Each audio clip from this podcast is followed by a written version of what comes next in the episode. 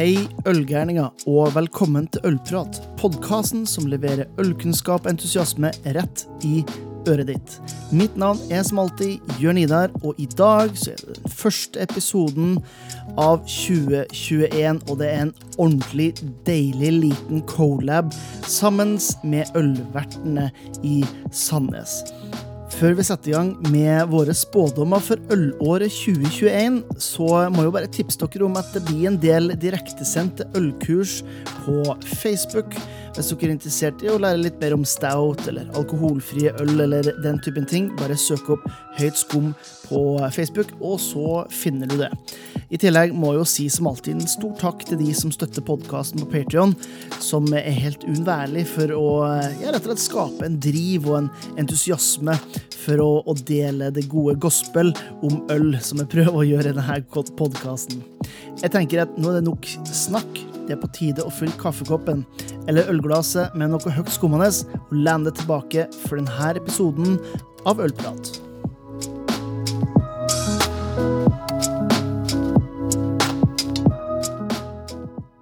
Da har vi med oss en mann som har nesten flere roller på proff.no enn jeg har check-ins på Untapped. Altså rett og slett en mann som liker å ha mange jern i ilden. Han er styremedlem i intet mindre enn to bryggerier, flere ølsteder. Og jeg lurer litt på om det er for at han skal kompensere for at han ikke ble proffgolfer under sitt opphold i proshoppen på golfbanen på Jæren. Altså, ikke vet jeg, men den utdanna sykkelreparatøren liker helt klart å holde seg busy. Altså, Det er det ikke noen tvil om.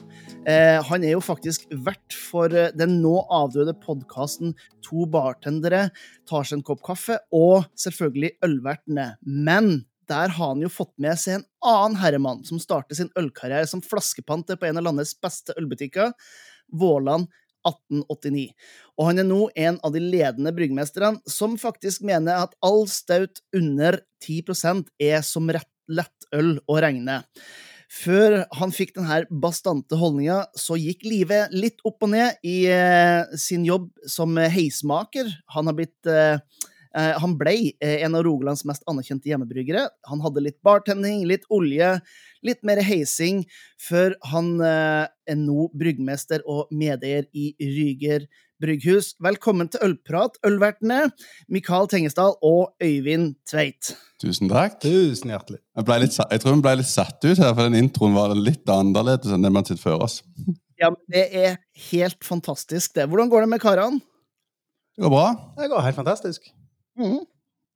Dere sier jo nesten aldri noe annet enn at det går bra og helt fantastisk. Er det noe sånn her positivitetskrutt i vannet borti i Rogaland, eller? Jeg tror nok det har litt med den jærske holdninga at vi ser sjelden problemer, men heller løsninger.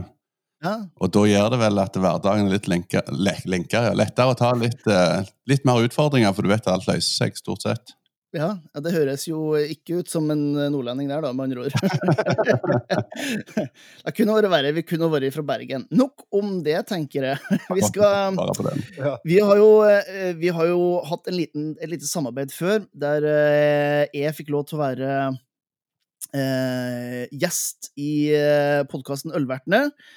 Og nå eh, tenkte jeg skulle høre litt med dere om dere hadde lyst til det samme. Og med en gang jeg sa det, så hoppa dere på det, fordi i starten av eh, 2020 så hadde vi en episode som var nesten helt lik. Nemlig, vi hadde en spådom for 2020. Eh, nå ble jo 2020 eh, bitte lite grann annerledes enn vi trodde i januar, når vi tok opp de episodene, regner jeg med. Hvordan, eh, hvordan syns dere de spådommene gikk? Nei, jeg, eh, det, det, var lett å se glasskule før du så det kom noe korona. ja. det ble jo bitte litt annerledes det, her, eh, det året her, sånn. Men jeg, jeg tenkte i hvert fall, eh, istedenfor å, å, å, tenke tilbake på 2020, så kan vi jo se inn i 2021 og gi våre spådommer rett og slett for hva vi tror året har å, eh, å bringe. Eh, høres ikke det ut som en, som en god plan? Kjempeplan. Jeg tar samme utgangspunkt som sist, at det høres spennende ut. Så får vi håpe ja. det ikke kommer noe mer pandemi og fucker opp våre tanker på neste år. Eller fra 2021, mener jeg. Ja, nei, Vi kan jo ikke gå og hele tiden være forberedt på at det skal gå til hel helvete, tror jeg. Nei, men eh, da tenker jeg, da kjører vi litt sånn fram og tilbake. Vi har jo, i hvert fall for min del, for en gangs skyld forberedt meg litt. Og vi har satt opp et par punkter så vi kan ta og, og ta fram og, og diskutere litt. Uh, I utgangspunktet tre-fire punkter hver, og så får vi jo se hvordan det, hvordan det utvikler seg her. Da, da, er jo jeg så frekk og fredig at jeg, jeg, kan, jeg kan sette i gang, jeg, hvis det er greit for dere. Det er herlig. Ja. ja, men det er bra. Da er min første spådom for ølåret 2021 at uh, vi kommer til å få se mer av 4,7 øl, altså rett og slett butikkstyrkeøl. Um, noe av grunnen til det, til det, er jo faktisk 2020, fordi uh, jeg tror nok mange fikk seg en ordentlig sånn wake-up call i form av at uh, restaurantbransjen stengte tilnærmet helt ned.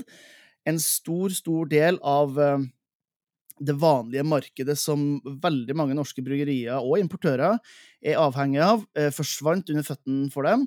Og eh, panikkstemninga i mars gikk over til litt mer sånn håp og, og, og, positivitet i mai, når man innså at folk fortsetter å handle øl, men på Vinmonopolet og i butikker. Og jeg tror òg pandemien visste at uh, det var litt sånn overdue for veldig mange bryggerier å starte en, eh, et bryggeriutsalg, og da er det jo 4,7 som gjelder. Så, så, min første spådom er, er for 2021 er rett og slett at vi kommer til å få se enda mer 4,7-øl eh, fra norske bryggerier. Jeg vet ikke, hva, hva tenker dere, gutta? Jeg kjenner jo jeg blir litt lei av meg, da. Jeg liker jo kun øl over 10% Ja. det er nesten deg, dette, Øyvind.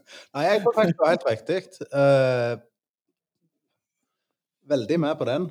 At vi har 4,7 på markedet, det er jo bra òg. Du ser jo en økende trend i 4,7 på pubene rundt forbi òg. Exit. sitt. Stemmer ikke det, Mikael? Jo, jeg kan si meg enig i det. Vi har jo en pub hvor vi har 4,7 på de tre første linjene for alltid å ha jeg skal ikke si lav prosent, for det er farlig å si, men normal prosent, kanskje butikkstyrke. Eh, og, og, ja, det selger, og vi ser jo at alkoholfritt salg òg har jo skikkelig go all in og all high på, på, på alt. Så, så, jo, det kan godt være det er noe der. Uh, på enkelte stiler. Noen stiler tror jeg kanskje kan forsvinne med 4,7, men jeg tror ja, det kan ja. være større sjanse for det.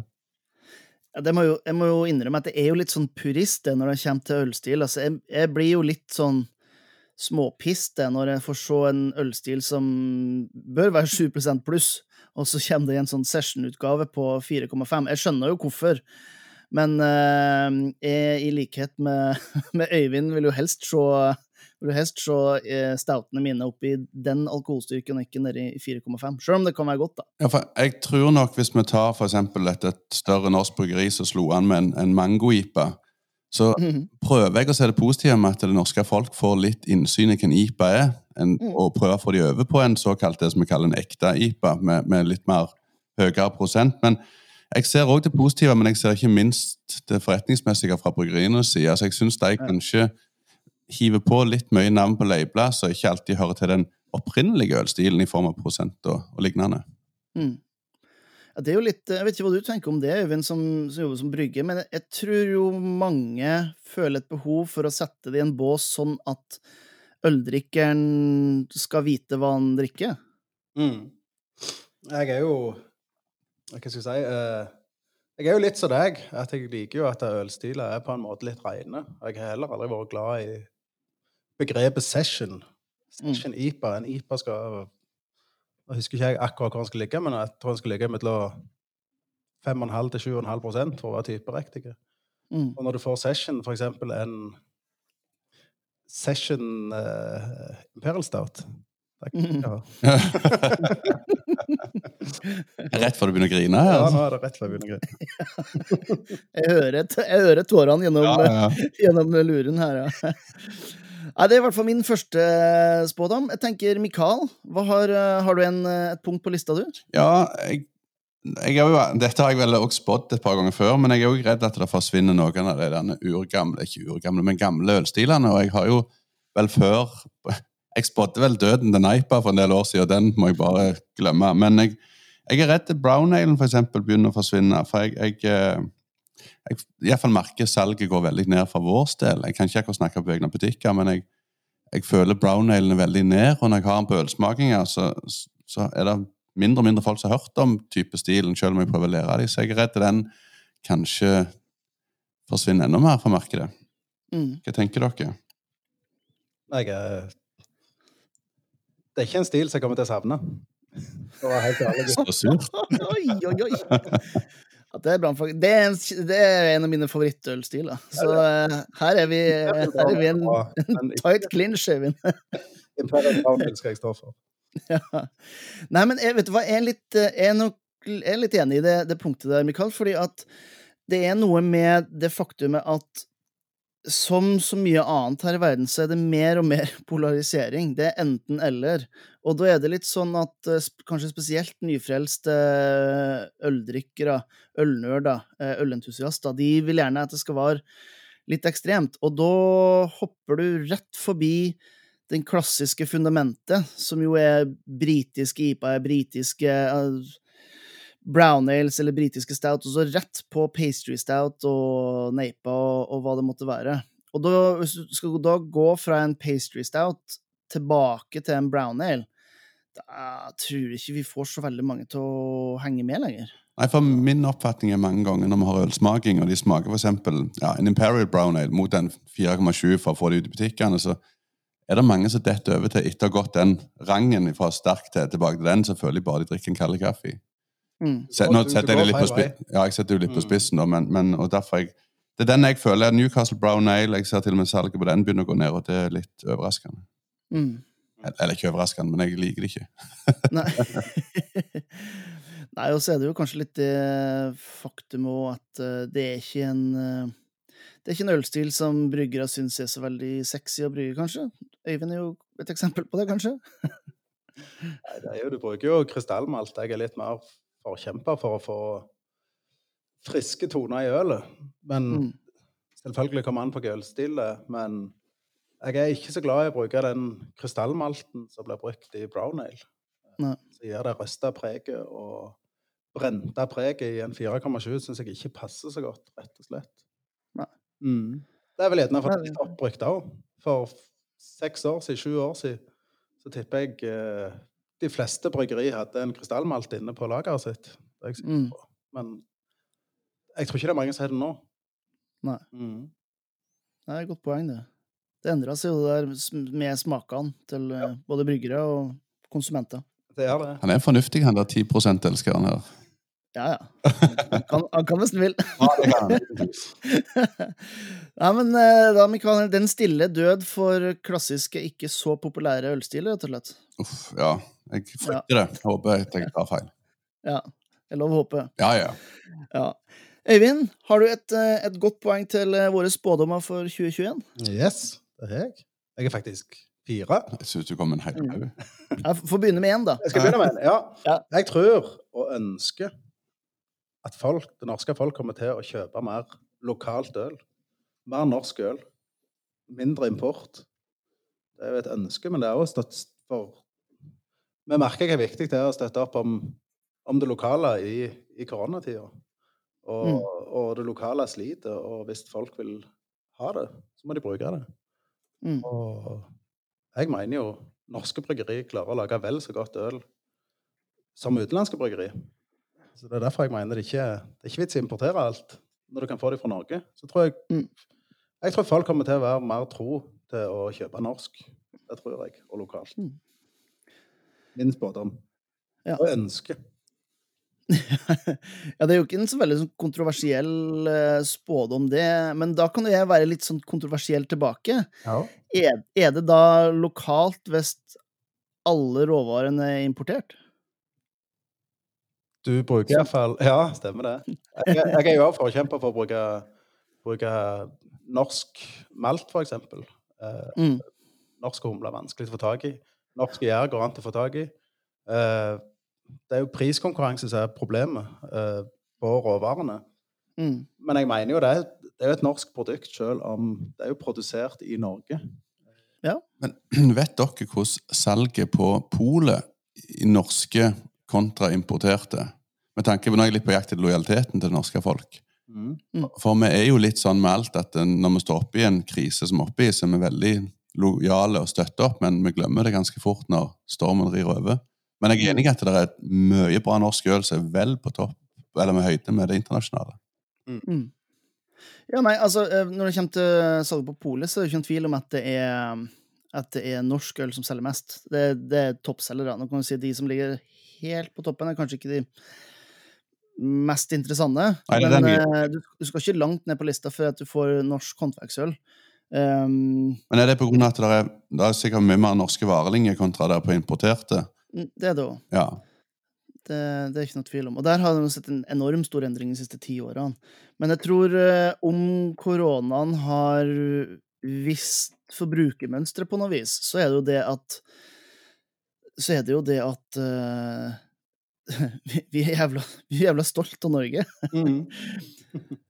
så når det, når det, begynner å skorte litt, så, så, støtter vi det som er lokalt. Og det er jo litt med det her med at man eh, Det er jo naboen, da, eller eh, kjenning av en kjenning, eller hva det måtte være. Det er litt, det er litt hyggeligere å, å, støtte naboen enn uh, Fabrice fra Frankrike, for eksempel, som jo lager en helt fantastisk saison, men som ikke har noen ting med ja, Rogaland gjør, for eksempel. Ja, det er jo det jeg syns hadde vært litt kjekt hvis vi for eksempel kunne tatt og, reklamert for en, en firepakning med Lærvik Lucky Jack eller lignende til å kunne ta meg ut i parken for liksom for å fronte norsk håndverkskraft. Men jeg, jeg, vet at det ikke er helt sånn verden er, men det hadde vært ganske digg hvis at vi kunne møtt litt den konkurransen på den sida.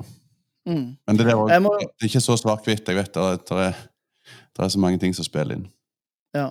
Jeg må innrømme at jeg, jeg, følger jo litt med på sosiale medier, og der har jeg jo sett uh, de siste fire ukene så har jeg jo fått uh, markedsretta Facebook-reklame mot øldrikkere i Norge fra utenlandske bryggerier.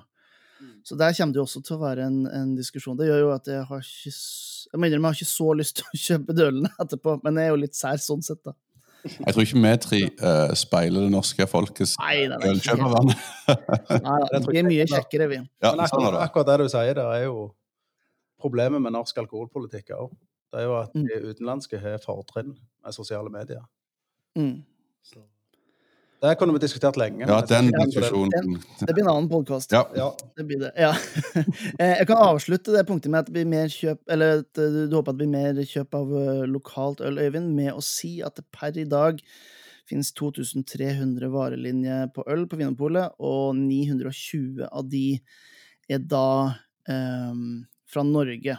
Dog skal det nevnes at uh, det er ikke alle produktene i, i lista til uh, Vinmonopolet som uh, er tilgjengelige, og at jeg vet at veldig mange norske bryggerier ligger i noe som heter Tilleggsutvalget. Så de vil med andre ord ikke vises på vinmonopolet.no. Det var uten Tilleggsutvalget, ja? Ja. Stemmer. Da er det nok høyere andel. Ja, ja det er det nok uh, garantert. Um, OK. Min andre spådom for uh, ølåret 2021 er at vi kommer til å se mer fokus på kalori i øl. Og det gjelder ikke for min egen del. Nei, det, må jeg bare, det må jeg bare skyte inn med en gang. Men det har vært en ganske sånn klar trend i, i, USA. Nå For bare en måneds tid siden så kom eh, Stone Brewing, som er et ganske stort uh, håndverksbryggeri i USA, med et øl som heter Feature and Benefits, som er brygga for å være et lavkaloriøl. Full smak, men med lite kalorier, og under 100 kalorier i, i den. Eh, og det her er jo noe som eh, jeg vet har vært en eh, diskusjon lenge ned i sånn som Spania og Portugal, der man har sett en eksplosjon av alkoholfritt øl, salget av det, fordi at det er unge folk som er opptatt av ja, rett og slett av hvor mye kalorier de, de får i seg. De er opptatt av å være sunne, og da er alkoholfritt øl et godt alternativ med hensyn til, til det. og nordmenn generelt er jo veldig opptatt av helse, selv om vi kanskje ikke er så sunne, meg sjøl inkludert. Eh, så er vi fortsatt opptatt eh, av det. Eh, og jeg tror det, vi kommer til å få se det utover de her konseptene som er altså elite-konseptene fra de store. Men jeg, jeg, tror det er noe vi kommer til å få se en start på i 2021. Jeg vet ikke, Hva, hva tenker dere, gutta? Jeg har jo et ønske om at det er sånn tørre øl er faktisk veldig bra. Mm. Uh, og veldig leskende. Alkoholfritt er jo ekstremt økende i Norge. Mm. Og det er jo blant annet for at Larvik kommer med sin fantastiske No Worries. Helt, helt magiske serier. Uh, alt tilsier at den øker enda mer. Men det med mm. at uh, kalorifattige òg øker, det tror jeg òg. Det er jo mm. som mm. i USA. Men går det på bekostning av noe? Når du får øl og kalorifattigere, mm. går det på bekostning av sødmen, av bitterhet? Er det noe hvor Det, det gjør det. det. Det som skjer, egentlig, det er bare at det er et enzym som de bruker, eh, så heter amigase. Det er svartmuggsopp skal ikke bli for nå, men det er et stoff de bruker som gjør at ølet gjør 100% ut, og det sitter ikke igjen med sukker. Og ja. da sitter du igjen med kun alkoholkalorier. da. Mm. Mm. Men det er en veldig spennende ting, og jeg har jo alltid vel sagt at vel Guinness er vel det et av de ølene med minst kalorier utenom pilstyper og sånne ting. Så det er jo spennende at det kommer andre ølstiler på markedet som er da kalorifattigere. Mm. mm. Så ja, for det, det, det jeg mener. Det fins jo allerede kalorifattige øl på markedet, men det er liten variasjon. Og det blir litt det samme som hvis man spoler eh, Øl-Norge tilbake ja, hva blir det, ni-ti år, og, og, den første testbatchen som Nøgnø kjørte med sin Inferial Stout, den, den mm. eh, alkoholfrie, det var jo første gang man fikk se noe annet enn eh, en pilsnertype i alkoholfritt. Mm. Og så mm. kan man jo si det har jo derifra og ut hadde jo pusha egentlig alle. Um, dere nevnte jo Lervig, Nøgnu har jo et bredt sortiment nå, men det har også pusha de store bryggeriene til å rett og slett tenke variasjon. Eh, og du ser jo både Klausthaler og Munkholm fra henholdsvis Ringnes og, og, Hansa er jo produkter som har hatt en, en, en, en, renovasjon, rett og slett, i form av porteføljen. Mm. Jeg har lyst til å si noe til om det der, for det det er veldig kostbart å lage alkoholfritt øl i store industribryggeri. Men mm. de har funnet en gjærstamme som, gjør at, eh, som ikke gjærer maltsukker. Og det er det mm. som gjør at bryggeriene og kraftbryggeriene lettere klarer å produsere alkoholfritt øl under kraftstempelet. Mm. For i industribryggeri så fordamper de av alkoholen. De lager øl, men de fordamper av alkoholen. Og da skader det produktet med varme. Mens denne nye gjærstammen, da, da kan du lage det ufiltrert og upasteurisert. Og da får mm. du et, et fullverdig produkt som smaker mye. Og du kan lage IPA og frukt oppi og alt sånt, for det vil ikke spise det vil ikke spise maltsukker, den her nye gjærstammen. Kult. Mm. Nei, men bra. Det er da min andre spådom for 2021. Eh, Mer uh kalorifokusert øl, om man kan si det sånn. Vi tar hintet. At du mener det bør komme mer alkohol Eller kalori i lavtøl? altså, av, av, av, oss tre, Mikael, så er det vel du som sitter i kjelleren og sykler som en gærning, så Noe må jeg kompensere litt til. ja, stemmer. Nei, men bra. Um, ja, Mikael, har du et, et punkt nummer to uh, for, for dine spådommer for neste år? Ja, jeg har et punkt som jeg vel kjenner at jeg nesten ikke har lyst til å ta opp, for jeg syns det er litt vondt. Det er vel mm. hva skjer på andre sida av året. Nå tenker jeg for oss puber. Og når vi så har utsett eh, moms og skatt og lignende, og alt det der kommer på en gang, hvor stor er redningspakken? Og det går greit for mange av oss utenfor utfører Oslo, men jeg tenker på Oslo som har blitt tvunget til å stenge ned. Mm. Uh, jeg håper ikke vi ser en styggedom som mange frykter, at, at staten ser alvor i det, og at de redder bransjen. Eh, rettferdig, selvfølgelig, eh, men når du blir stengt ned, sånn som har skjedd i Oslo, med at du blir tvungen, med mindre du har mat, så kan du holde åpen, så håper jeg at redningspakkene er der så folk får, får overleve 2021. Men jeg frykter flere konkurser pga. vår bransje, vår kjente for å tappe firmaer for overskudd. Og det kan være den møter oss i, i døra nå. Mm. Så rett og slett mer konkurser i, i restaurantbransjen? Ja, jeg frykter det. Så, så det, det syns jeg er det blir, litt, det blir, litt, skummelt å se. Noen forsvinner alltid, uansett i sånne settinger. Når røykeloven kommer, så forsvinner alltid de som har, har tatt sine snarveier, eller ikke snarveier, men de har tapt firmaet og kjøpt middel når når de, får det vondt. Og, og, jeg frykter at vi kan få litt stygt nå i, i 2021. Mm.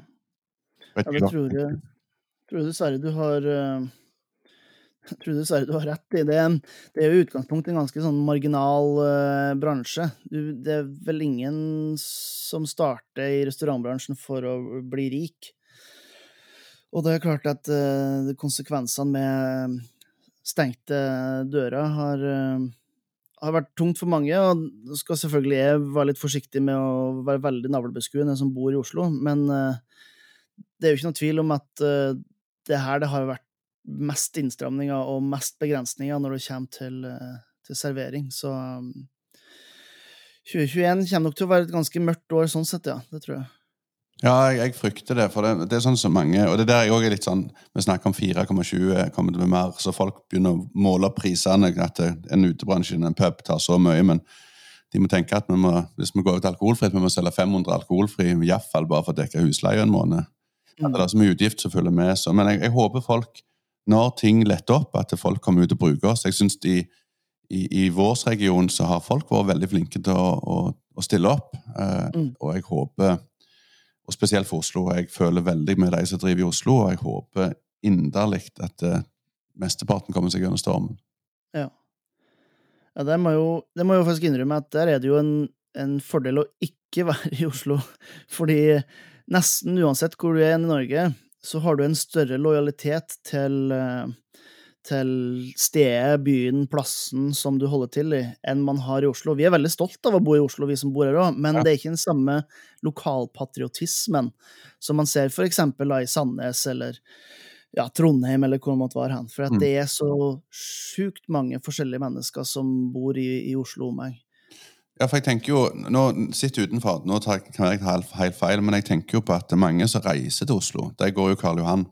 Mm. Men vi andre som er interessert i øl, vi går jo stort sett ikke til Karl Johan. Vi går jo til Tilt, vi går jo til Crow. Vi går jo alt annet utenom eh, om Karl Johan. Og mm. jeg er redd at turismen ikke akkurat kommer til å flokke med en gang alt åpner opp. Så Nei. jeg håper jo at de som ligger på Karl Johan, blir brukt like mye som de go to-pubene som hører til litt sidegatene. Det kan være jeg er ute og mm. kjører, men det er sånn jeg tenker som en turist i Oslo. Ja, nei, men du, du er inne på noe der, altså. Det er ikke noen tvil om. Hva tenker du, Øyvind, om dette? Jeg, jeg håper bare vaksinen kommer, og det tar flatt av. Ja. Veldig bra. Ta med dagen og hver dag i uka. Ja. Mm. Nei, jeg, jeg, jeg, stiller meg jo bak dere. Jeg tror det blir et mørkt år i 2021. Og, og som Mikael sier, at det er en bransje som, som er vant med å ta ut overskuddet hvert år. Mm. Og, og, det biter seg litt i, du biter deg litt i ræva nå når du ikke klarer, har driftsmidler. Det er sant. Ja. Men vi tar ferme og føtter. Det gjør vi. Det gjør vi. Ja. Nå ble det litt lyst. Det skulle ikke være dystert, det skulle være positivt. Ja. Nei, Eivind, har du en positiv spådom for 2021 til oss, da? en positiv spådom? Vi var jo litt inne på det, det lavkaloriøl. Mm. Jeg har et personlig ønske om 2021. Og nå er det mange Hvis det er hjemmebryggere og bryggeri som hører på denne podkasten, så kommer de til å si 'fuck you, Øyvind'. Få tilbake brødtyper.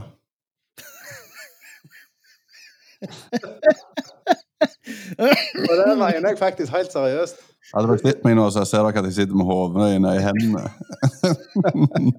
Alle prøver å lage det.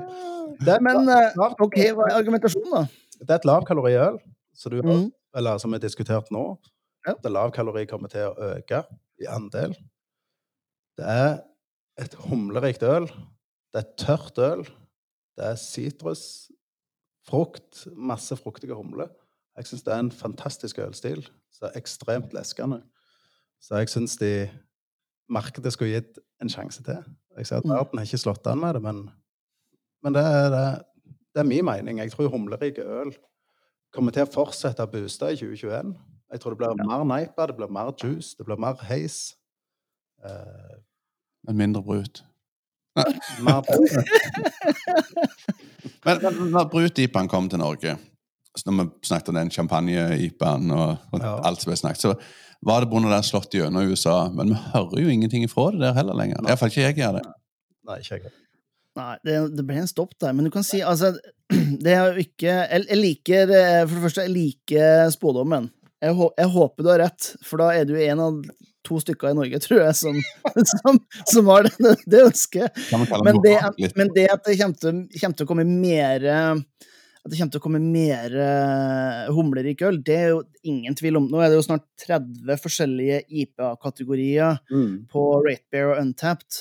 Um, det har vært veldig mange varianter av IPA som har kommet og gått. Jeg kan nevne Black IPA, White IPA, Red IPA, som var i to minutter, og så forsvant det. Altså, det, er noe, det er ikke noe tvil om at, at IPA er noe som uh, Og, og humlerik øl er noe som kommer til å kommer til å fortsette å øke i, i 2021 også. Og så får vi se om du får rett i om det blir brutipa, eller hva det er. Jeg, jeg kan skjønne litt uh, hvorfor du sier det. Jeg, kan røpe at Ryger skal produsere en brutipa.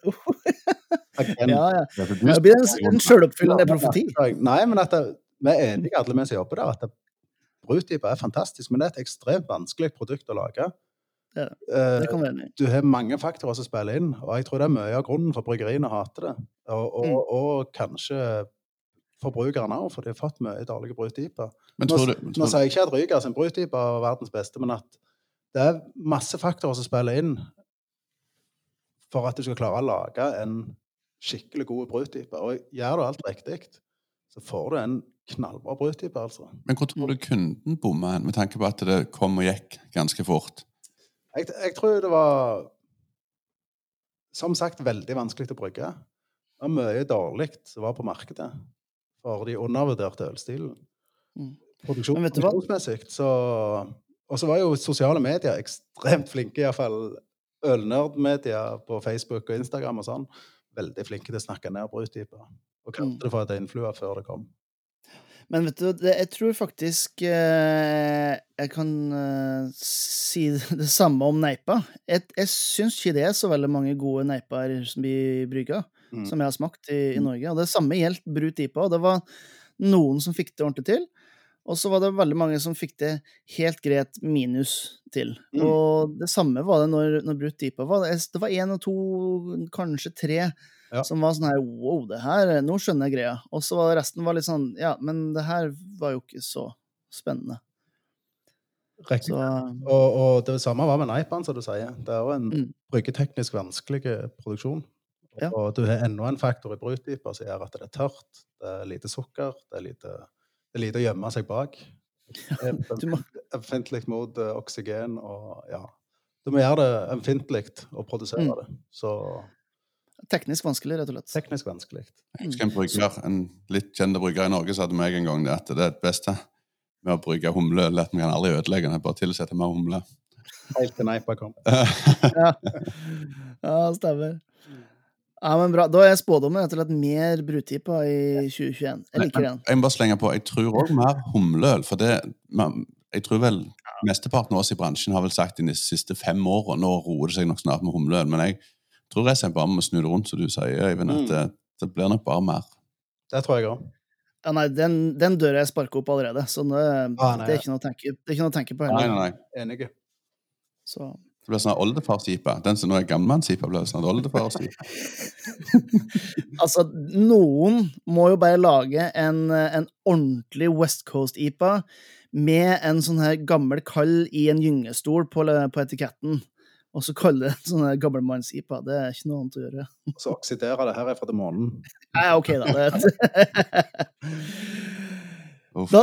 da. kan i hvert fall jeg ta min tredje mm, spådom for ølåret 2021.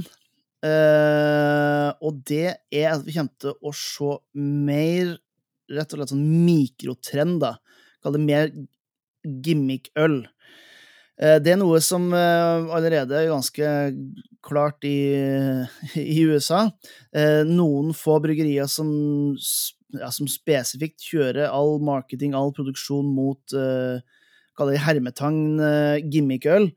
Eh, om det måtte være slushy beer, altså ikke sånn ordentlig slushy beer som har, som har uh, fruktbiter i seg og nesten som du kan bare spise med skje, til eh, ja, rustikk lager og den typen ting. Ting som ikke kommer til å få kalle det nasjonal eh, fotfeste, men som noen kommer til å hoppe på og brygge veldig godt, og så finner de på noe nytt et halvt år etterpå. Så det er Jeg tror vi kommer til å se mere, mere bryggerier kommer til å søke etter ting som kan gjøre at de skiller seg litt mer ut i form av uh, mikrotrend, da. Jeg vet ikke hva dere gutta tenker. Nei, jeg lurer på, for jeg har jo, det, det som jeg tenkte med en gang når du, når du begynner å snakke sånn, så tenker jeg på at uh, vi har ikke hatt noen sånn tydelige bryggeri som Mikeller og Brewdog som sto seg opp markedsføring. De brygde i øl for å markedsføre seg, sitt fra mitt mm. ståsted. Yep. At de skulle opp og slå og punche litt. Men mener du at disse, disse som kommer til å gjøre det, gjør det pga. de er på jakt etter litt nye stiler og litt kvalitet, eller er det mer for den markedsføringsbiten? Ja og ja. Jeg tror, altså, Hvis man ser på øl altså Bryggeri-Norge i dag, så er det en ganske homogen masse av, av bryggerier. Det er ikke så veldig mange som skiller seg ut. Alle har en eh, Ikke alle har en brutipa, men alle har en IPA og en eh, pale ale og en eh, stout eller porter. Og, altså det, blir, det, blir, veldig mange gjør mye av det samme. Ja. Og jeg tror vi kommer til å se, rett og slett fordi at man har blitt tvunget til å sette seg i, i, godstolen, for man kan ikke være ute og ha smakinga i 2020, og ha tenkt ut at men det her det er ikke bærekraftig å lage det samme som nabobryggeriet. Vi er nødt til å finne noe som kan ja, som kan være oss. Og det har man jo sett i, i tiår i, uh, i, USA, der du har bryggerier som har spesialisert seg på å lage tyske ølstiler, uh, som lager utelukkende hvitt. Altså det, det, er mye mer spesifikt, mens i Norge så er det mye mer homogent, og alle gjør det samme. Og jeg tror uh, 2021 kommer til å være et år der vi kommer til å se allerede etablerte bryggerier gå mer og mer om mot å spesialisere seg litt. Um, og jeg finner det mest sannsynlig at det kommer til å gå for det jeg kaller litt sånn gimmick-øl, da. Men som nok mange elsker likevel, da. Jeg er 100% enig med deg. Jeg er sikker mm. på det samme kommer til å skje. Bryggere, ja, kjør på, Eivind. Bryggere har sittet i godstolen sin hjemme. De kan ikke reise på smakinger. De er vant med å jobbe Eller bryggeribransjen er vant med å jobbe døgnet rundt. Mm. De har klekt ut mye nytt, og de ser jo at bryggeri Up and coming bryggeri kommer med spesielle øl som er veldig bra ikke mm. brygge etter renhetsloven, men de hiver karameller, de hiver fudge og marshmallows og bamsemums oppi. Mm. Og jeg tror det kommer til å bli masse av det i 2021. Mm. Men tror du at mange bryggeri i Norge Vi har jo snakket om tidligere hvordan vi er redda til flere bryggeri og de små skalagrunner. Er det, tror du mer at alle har den samme katalogen pga. de vil selge og glemme å fornye seg, eller gjør de kule tingene for det koster penger? At den økonomiske bit på at folk har blitt, eller bryggeri har blitt litt Kall det like, da, for å sette det litt i ja, jeg, jeg, tror nok det er mer det at uh, man er like, og så kommer det litt an på hva, man, hva som er målet. Fordi at det, det, snakker vi nesten ikke om i Norge, men det er forskjell på et regionalt og et nasjonalt bryggeri. Altså et regionalt bryggeri Du kan ta eh, Raus, for eksempel, oppi Mo, eh, altså Helgeland, der jeg kommer fra. da. Eh, som har veldig få konkurrenter, og dermed så er det ikke noe problem. De kan alltid bare lage Eh, i hermetegn den samme ølen som alle andre gjør, da. Eh, selvfølgelig med, med, sin egen lille twist, men ellers er porteføljen ganske lik alle de andre. Og det er fordi at de er et regionalt bryggeri som, som får ekkoet sitt i den regionen som det er i. Men hvis du har tenkt å, å bryte gjennom til kall det ølnerdene, da, eh, eller du har lyst til å, å skape litt oppmerksomhet nasjonalt, så er du nødt til å gjøre noe som skiller det ut. For det holder ikke å lage en en god West Coast IPA, for da er det tjukt av de på markedet allerede som har nasjonal distribusjon. Og da må du finne din lille nisje og prøve å bryte gjennom på. Og det, det, det føles nesten litt stygt å si gimmickøl. Jeg, jeg tror jeg sier gimmickøl fordi at det er det letteste, mest sånn visuelle å se på. Men mm. hvorfor har vi ikke et Saisot-bryggeri i Norge, for eksempel? Hvorfor har vi ikke noen som har spesialisert seg på gårdsøl? Mm. Altså, det er masse man kan gjøre, og det, jeg tror det blir viktigere for de som har lyst til å bryte gjennom utenfor sin, uh, sin region, og, og, tenke identitet. Og det tror jeg de har hatt muligheten til å tenke på i 2020 på en måte som et vanlig år uten en pandemi aldri ville ha gitt dem. Helt enig. Jeg fikk lyst til å slenge på sånn oppfølgingsspørsmål. Jeg er enig, jeg òg, men jeg fikk sånn oppfølgingsspørsmål om hva kommer til å være det mest innovative bryggeriet i 2021. Ja, det ja, Det kan ikke være Ryger, i hvert fall, som går tilbake i tid med Brutipa. Nei, nå slengte du under bussen, Øyvind. Jeg beklager. Jeg beklager litt. ja, nei, vet du hva, jeg, jeg, tror vi, jeg, tror ikke vi, kommer til å kunne spå det nå så tidlig på året. Det, det, det tror jeg ikke. Jeg tror noen kommer til å overraske i løpet av året. Det, Og som, det er jo selvfølgelig lett å tenke ok, du har jo Graff, du har uh, Monkey Brew, du har Salekatt. Det er, liksom, det er mange som allerede gjør innovasjon og, og, gjør kreative ting, men jeg tror det kommer til å komme et eller annet bryggeri som bare overrasker oss alle. Jeg tipper det er et sånn, litt sånn tradisjonelt bryggeri. Mm. Mikrobryggeri som kommer bare til å gutse 100% Ja. ja det, det tror jeg òg. Jeg tror gjerne Nei, jeg skal være forsiktig med å si noe. ja. Den er grei. OK, Mikael. Har du, et, uh, har du en spådom for 2021? Ja. Uh, men det er derfor jeg vet jo ikke helt om det er spådom. Jeg føler at nå ble mine ting litt sånn dystre, så jeg skulle kanskje snurt meg litt opp. Uh, men, men, det er litt sånn Vi snakker om, om, bryggeri og sånn. Jeg føler jo at flere bryggeri nedprioriterer Horeka og prioriterer Vinmonopolet. Sikkert litt pga. året vi er inne i. Men det er mange av de mindre bryggeriene som alltid sender mailer før og vi har kjøpt øl av, og ikke nå sender, men de går rett direkte til polet. Mm. Og så har jo jeg meint mange ganger at vår bransje, altså serveringsbransjen Det er klart når Oslo er stengt, eh, så er det en stor eh, arena, men, men, vi er jo markedsføringsplassen for dem. Men jeg føler mange legger hender inn det tenderne til, til Vinmonopolet istedenfor å gå litt til Horeka òg. Så jeg mm. forstår salg og penger inn alt det der, men jeg føler at enkeltbryggeri nedprioriterer serveringsstedene. Uh, og det er jeg redd for kan bli en fortsettende trend nå i 2021. Mm. Og det, det, er jeg litt spent på hvilke ringvirkninger det får både med tanke på import. Hvis, det, hvis mer norske mikrobryggeri fortsetter å gå rett til polet uten til Horeka. Mm. Uh, jeg føler det ble ikke mye spørsmål det mest jeg tenkte her, men, men hva tenker dere på de jeg kan, jeg kan si meg litt enig, for det Du vil ha en vi merker jo det på Ryga òg nå, at uh, vi, vi produsert og hadde plan om å produsere mye til Horeka. Uh, men alt skal til Horeka, det har vi tatt over på boks istedenfor å kjøre det på kegs. Pga. at det er veldig tungsolgt i Horeka-markedet pga. det er stengt. Og jeg tror du vil ha en Når, en vaksine kommer og, og verden begynner å gå til vanlig igjen, så tror jeg du vil ha ei lang ventetid på Horeka-markedet. Iallfall noen et halvt år før de små bryggeriene igjen kan begynne å prioritere Horeca-markedet. Mm. Da må de begynne å tenke på ny igjen, og det tror jeg skjer ganske fort. Og da må mm. de få tid til å snu seg. Men så er det heller ikke vanskelig hvis de skal tappe til Vinmonopolet. Så er det fort gjort å tappe på noen cakes òg, så det er ikke sikkert. Jeg oppfordrer bryggeriet til å sende en mail i ny og ne på at det nå kommer nytt. Skal du ja, laste noen cakes først, og så kan vår bransje markedsføre de i en måned to før de kommer på polet? For det tar jo litt tid for å få få det der. Riktig, ja. Det er jo sånn normalene våre, at du hiver det på keg først, og så tapper du det på boks. Og da får hun reka det som regel først. Og det er jo den trenden du må snu når vi blir friske igjen i hele verden.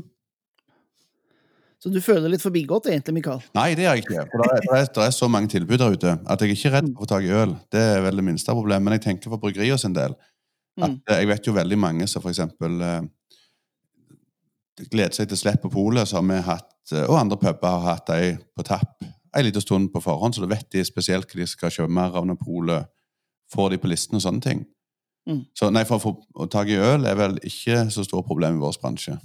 Nei, nei det, det, tror jeg ikke. Så jeg tenker mer for bryggeriet sin del at det, det, er farlig av og til å glemme hvis du utelukker en, en salgs... Det er akkurat samme altså, uansett hvilken bransje du driver, hvis du satser alt på én fot, så sliter du hvis den plutselig knekker. Mm. Så det var mer det. Nei, jeg, jeg tror eh, jeg, jeg, kjenner jo eh, begge bransjene, eller begge salgs... ja, salgskanalene eh, veldig godt etter de siste ti årene med å jobbe med dem. Og jeg syns jo norske bryggerier har forsømt Vinmonopolet noe grassat, og det vet jeg jo, for jeg har jo jobba med de siste fem produktsjefene som har vært på Vinmonopolet, der alle har sagt det samme. Ja. Og det er vel først nå at bryggerier, altså når alt stengte ned, at de har skjønt at de kan begynne å ta Vinmonopolet litt mer seriøst, istedenfor at de på en måte har vært litt redd for denne her eh, store maskineriene som er Vinmonopolet, så har de faktisk skjønt at Vinmonopolet faktisk er der for å hjelpe dem å komme ut. Og jeg tror heller ikke Øl-Norge er så avhengig av hva det er en sånn pre-launch da, i Horeka, før det kommer på Vinopolet, for å skape hypen som før. Eh, jeg tror det der har endra seg ganske kraftig de siste fire-fem årene, faktisk, der man har begynt å ansette Vinmonopolet som en mer seriøs aktør, fordi én, man har fått inn ting som kjøling, merking av stiler, man har fått et mye bredere utvalg, um, og, mye mer ekspertise bak uh, kassa. Um, og sånn var det ikke for sju-åtte års uh, tid siden. Da måtte man alltid prioritere å få det ut på Horeka først, og så Vinmonopolet, hvis man skulle ha en sjanse for at folk faktisk gikk og kjøpte det. Mens nå går folk til Vinmonopolet for å kjøpe godt øl. da. Så det du sier, er at nå trenger ikke bryggeriet pubene lenger? Å, Mikael. Nei, men jeg, hadde jeg drevet et bryggeri, så hadde jeg Når jeg da har en, en batch stående, så hadde jeg mm. f.eks. sendt mail til Spesielt hvis jeg eh, driver i en by, så vil jeg sendt til den byen jeg er. Hvis jeg har drevet uh, i eller bryggeri i Stavanger, så vil jeg sendt rundt til de pubene i Stavanger.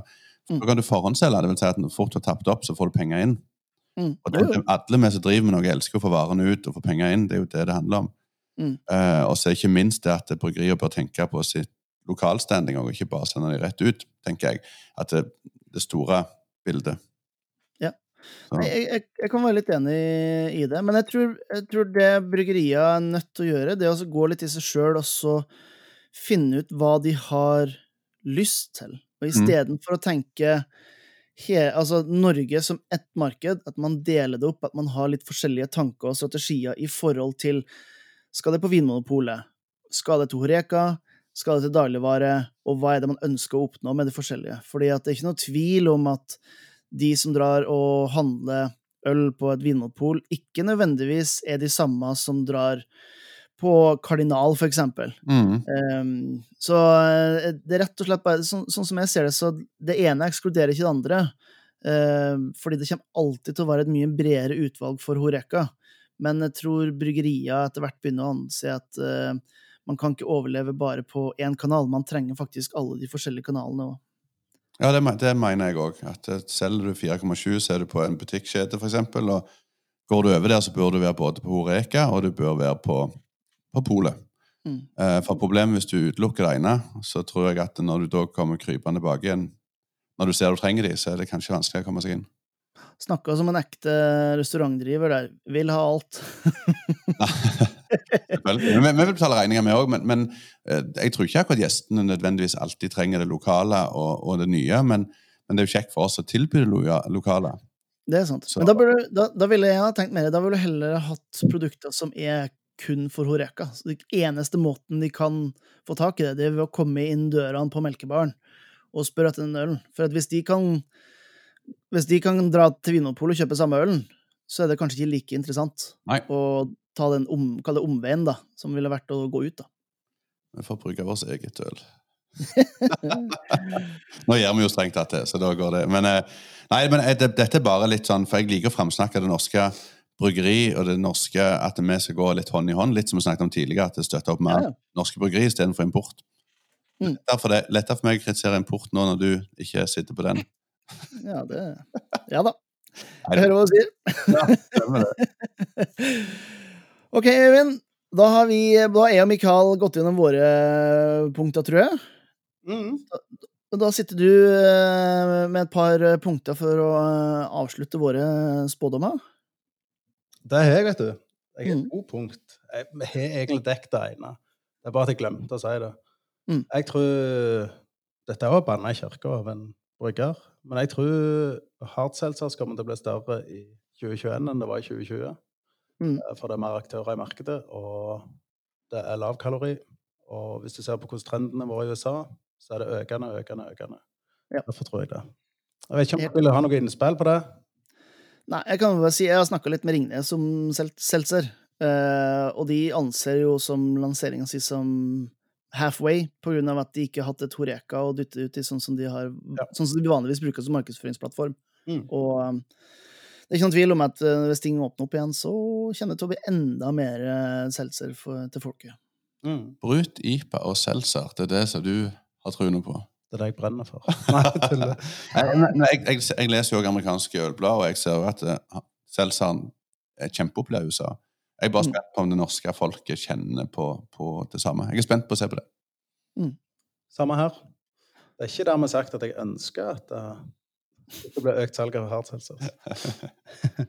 Nei, jeg tror uh, Andre meninga mi det er jeg tror det blir mer salg av øl via nett internett. At folk kan bestille øl på nett. Dette er ikke snikreklame, for jeg kjenner faktisk noen som jobber med det. uh, Har dere hørt akkurat det? Ja. Uh, ja, ja. Nei, jeg tror det er flere aktører i markedet som selger øl på nett fra norske bryggeri. Så tar jeg det inn og selger det som ølpakker og diverse, og jeg tror det er en økende trend, for det har ikke vært i Norge før. Og nå er det åpna for kommuner rundt forbi for å få heimlevering. Så jeg tror vi vil se enda mer av det. Er dere enige?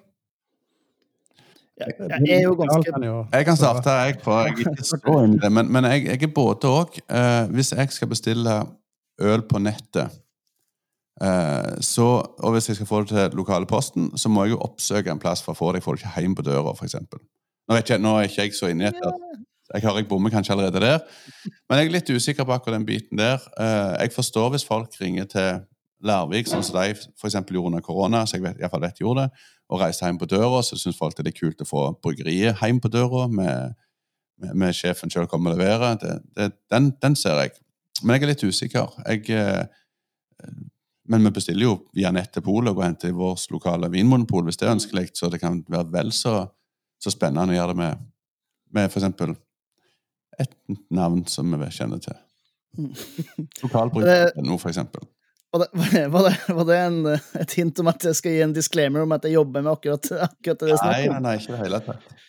Så, men det gjør, jeg, det gjør jeg i hvert fall. Jeg, jeg, kan jo ikke si noe annet enn at jeg har, har trua på det. Men jeg, jeg, tror noe av grunnen til at jeg har trua på det, det er, det er rett og slett fordi at lokale bryggerier har begynt å tilby, akkurat som du sier, da, eh, levering Eh, på en helt annen måte. Og, eh, og det her faktumet at Norge er egentlig ganske svært til å være så lite. Så det betyr at hvis du sitter i eh, Kongsvinger, for eksempel, så er det fullt mulig at du har lyst til å kjøpe noen spennende øl fra Ryger.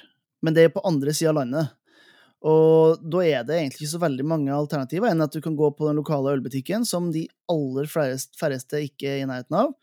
Eh, eller man kan begynne å se også etter hvert at det, man kan eh, handle på sånn som Kolonial, for eksempel, eller de her. Og det er jo sett en enorm, en enorm ja, økning nå under koronaen, men det her med at uh, netthandel generelt har blitt uh, en ting som er utafor de store byene, det har egentlig kommet de siste to-tre årene. Som gjør at man Altså, byfolk er raske til å ta sånne ting, mens det tar litt lengre tid ute i, uh, distriktene. Og nå begynner distriktene å komme etter når det kommer til netthandel generelt. da. Og dermed så tror jeg nok den spådommen der ikke er så dum, Øyvind. Nei, jeg tror på at det blir, blir mer av det, iallfall. Så du mener Øyvind treffer på én av sine spådommer?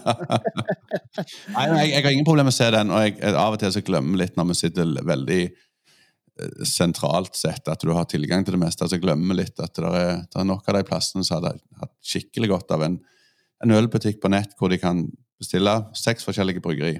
Så de ikke mm. får sjanse til å hente på sin lokale eh, butikk. Mm. Ja, altså Jotto, for eksempel, som dere kjenner godt til. Ja. Mm. De er jo ikke tilgjengelig fritt her i Oslo, som jo er det største ølmarkedet i hele Norge. Helt sant. Så da er det sånn, da kan man enten gå av og til til uh, uh, Gulating, for eksempel, som er her, som har det av og til. Eller så kan man se om det finnes noe uh, på nett. da. Ja. Så det er ikke sikkert det er noen garanti for det, men det gir nok en kanal å kunne Nei, og Hvis det blir også på nett, så, så, så, kan det jo være at det er ganske relativt ferske batcher du får. For eksempel. Mm. Så det er, mye, det er, mye, bra med det. Jeg, mm. jeg skal trekke tilbake den negativiteten. Og det blir veldig spennende å se. Ja. det er lov til å være litt uh, negativ òg. Kan jeg stole på at jeg er litt negativ pga. vi er i koronatid, så tuller en bransje. det stemmer. Ja, men bra. For de av dere som fortsatt hører på etter eh, nesten en time med prat, så kan vi jo ta oppsummere de punktene som eh, er her. Det er spådommer om mere 4,7 øl, altså butikkstyrkeøl. Det er spådom om litt sånn her død eller avgang for gamle ølstiler. Det er mer lokal, eh, lokale kjøp fra lokale bryggerier. mer lav, altså lavkaloriøl. Eh, den mørkeste av de punktene her er jo flere konkurser i uh, Horeka. Altså man kommer til å miste sine favorittølsteder, i verste fall. Der er spådom om eh, mer brutt IPA, mer hard seltzer, mer gimmickøl, mer nettsalg og eh, en, en, oppfordring for norske bryggerier å ikke glemme restaurantbransjen til fordel for Vinmonopolet. Det er vel en fin oppsummering av de ti punktene som vi har gått gjennom, eh, gutta? ikke det? Jeg ser jo nå at mine spådommer som er så negative, hadde passet mye bedre i 2020, hvis jeg hadde spådd de da. det er veldig sant, men jeg ser grevla positivt på, på 2021, når vi bare får kommet oss gjennom og får vaksinert. Så, så tror jeg det blir mye bra. Mye positivitet. Og, og, og øl håndverksøl har en bra standing, og det er det, det, er det vi må jobbe videre for, vi som brenner for det. Mm. det, er det. Er det noe mer dere guttene vil gå gjennom før vi eh, sier takk for nå? Takk for at vi fikk være med. Ja. Veldig hyggelig, som alltid. Ja, det var veldig hyggelig at dere ja. kunne, kunne, bli med. Dere som hører på, dere må jo, eh, hvis dere ikke allerede hører det her på, eh, på Ølvertene, så må dere sjekke ut Ølvertene. Du finner det på Spotify og Apple Podcast og i det hele tatt, der du finner, finner god ølkunnskap. Og så må jeg jo bare si tusen takk for, uh, for praten, Mikael og Øyvind. Kan jeg bare spille en liten ting om ølvertene? Ja. Meg og Øyvind styrer spakene uh, den ene episoden, og neste episoden så har vi to fantastisk ivrige jenter som prøver seg fram på podkast. Mm. Bare for å framsnakke dame inn i ølet. Vi trenger mer øldamer i monitor, det er ingen tvil om. Takk for praten, gutta. Selv takk. takk for praten. Ha det. Ha det. Ha det. Da er det bare å rette en stor takk til Mikael og Øyvind, som var med på å lage en liten spådom inn i 2021. Og ikke minst takk til dere ølgærninger som fortsetter å høre på Ølprat. Hvis jeg kan be om en liten tjeneste, så er det å gi denne eh, podkasten en liten tommel opp, en liten review. Tar det bare et par eh, sekunder, og det betyr faktisk litt i forhold til å, å få enda flere ølgærninger inn på den podkasten så eh, hadde satt veldig stor pris på om du kan ta deg tid til det. Og hvis du er interessert i å finne mer inspirasjon, ølkunnskap, oppskrifter, artikler, tjo og hei, så finner du jo selvfølgelig da både på Facebook og på Instagram. Bare søk opp Høyt skum eller Jørn Idar, så finner du det. Og selvfølgelig på høytskum.no. Og så er det bare for det, og husk til neste gang at livet er for kort til å drikke dårlig øl.